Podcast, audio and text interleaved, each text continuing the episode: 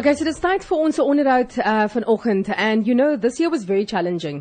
And even though COVID was a big, big part of that, and it has changed our lives considerably, many of us will actually remember that gender based violence was a key area of concern just before COVID arrived.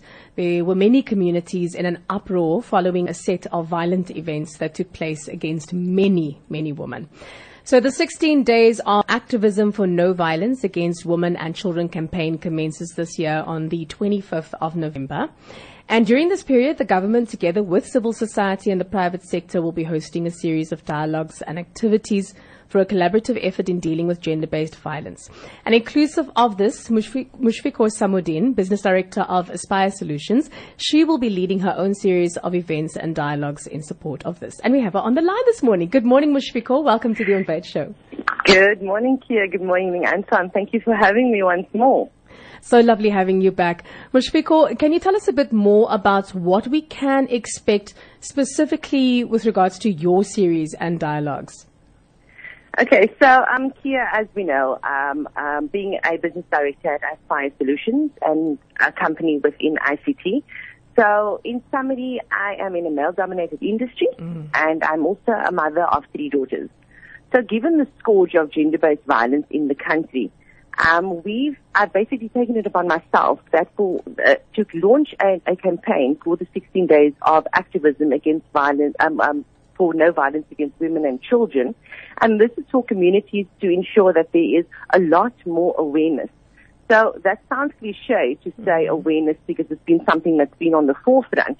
However, it's playing our part of, as I said, being a mother of daughters and mothers who are mothers of sons. Mm-hmm. We have taken it upon ourselves to actually look into different areas, underprivileged areas, um, starting with the Khayelitsha homestead, where we are looking at a life skill program for the young men in that industry to make them aware and ensure that they have more self-worth. And if they have more self-worth, they'll know how to treat women. And subsequently to that is also the awareness to women and what they have to do. So playing their part on who they need to report, how can they report things, signing a pledge against gender-based violence in women. And what we're advocating is to ensure that other small companies are doing the same whether you are a man, whether you are a woman, if you are a father, you are a father of a son or of a daughter that you're trying to protect. So it is uh, it is to ensure that we are active in um, GBV in our homes, communities, work, and the positions that we play, and that would be the, the start of our campaign. So we've partnered with with um, various uh, small organizations, um, Wumandla being one of the partners, mm. and we're actually trying to make it twofold. So with the life skill program that we're trying to do, and we are asking other companies to, within the 16 days, even if you are pledging a thousand rand a day, we hopefully by the end of the campaign there's 16,000 rand available that can go to programs such as this. Secondly to that, we're also looking at um, ensuring that the drive for sanitary towels, which, you know, it stems to a, a cycle of being a woman mm. and that it's available. So with partnering with Umandla, we're looking at funding an organization that currently produces sanitary towels and making sure that that also goes out into different areas. So if anything, this is a pledge to other companies and people like myself um, who is able to support an initiative like this. Mm. I just want to know, um, Mushfiqor, if, if you don't mind answering, I, in my, in my home there is no violence. Okay, no verbal abuse and no physical abuse unless you call tickling, uh, violence and, and, chasing the kids through the house. To, to, torturing them that way, saying yeah. that no. I'm going to throw them in the pool. okay, so, so it's, it's something that's a bit far away, uh, yeah. uh, for me personally. Um, but obviously people right next door could live in a situation and I'm not necessarily aware of it. So what are the things that I should be looking out for? So I think, Anton, what's important, firstly, I'd like to go on to your point of tickling and happiness. It's the fact that as, as, as heavy as this topic is, people like yourself and your kids that you have, they are at school with other children. Mm. You've got love in your home. So teach your kids to ensure that if they do see someone who is a bit withdrawn or, you know, not able to actually, they, they don't respond well to maybe touching a finger or something else, or, or maybe just, you know, the social um, part of it. Mm-hmm. Make your kids aware to, to kind of in, uh, um, help them educate the ones that surround them and like yourself. So what's important is I've obviously been doing lots of research of what's available. So like you, maybe get out there and educate yourself on what's available. Um, what's available on 16 Days of Activism 2020 on the government site at the moment. Um, that being key. What's available on the news, which seems quite negative. So for me, the suggestion that I would make is it's a campaign that's going to be that's going to be going ahead with various companies. The one thing that's going to change, and like you saying, what can we do differently, is the element of love. Mm-hmm. It's the element of kindness. It's the element that I'd probably like to chat to someone like yourself as a man in the family who can confidently say, you know, tickling would be the closest source of it. It is how you can then instill those factors and allow people to see that that's how life can be lived without force and without anything mm. else. Mm-hmm. You know, um, when I w- became a, a, mother to my daughter, I thought, oh, I, I have a girl child and I have to make sure that I take extra, extra care of her and teach her the right way and which I hope I am every day. It's, it's, a learning curve. She is quite a tricky one sometimes. Um, but, you know, then I became a mother to a son.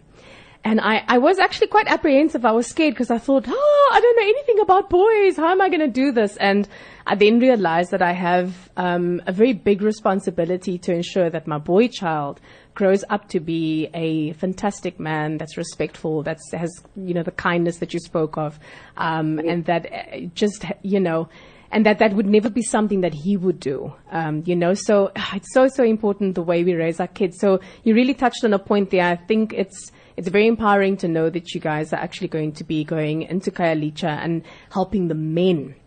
You know, uh, obviously we as women, we all need to give each other support, but we need to give the men support as well. Speaking about support itself, how can the public get involved? How can we share support? Are there any uh, social media platforms, websites, anything like that? Or just, you know, where can we do our thumbs up or be active and volunteer maybe?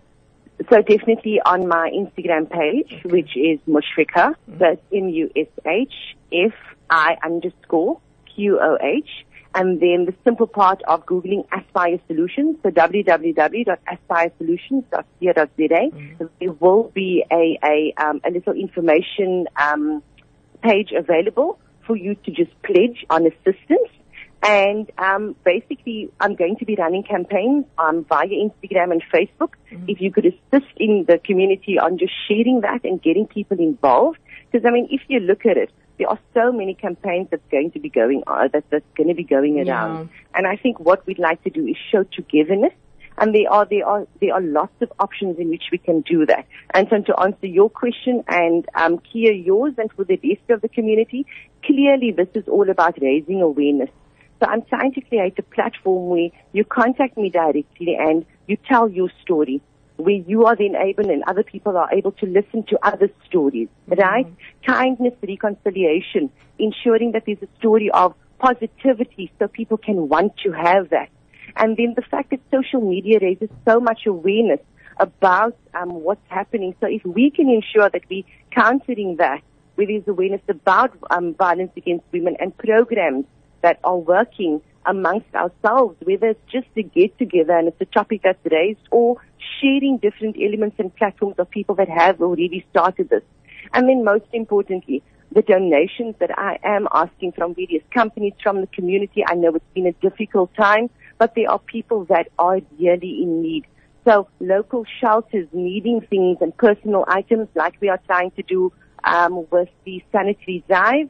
And then what we're also trying to do is even if it's 50 rand or 100 rand to a 1000 rand and whatever you can afford, whatever we can raise during this period becomes part of what we uh, assist us on the life skills program so that we can ensure that all those elements are covered with the youth currently that need to become those parents mm. and that need to develop themselves. Awesome. Thank you very much for joining us today on the show and uh, thanks for the good work that you do and all of the best. Thank you so much. Have a good one. Thank okay. Bye bye.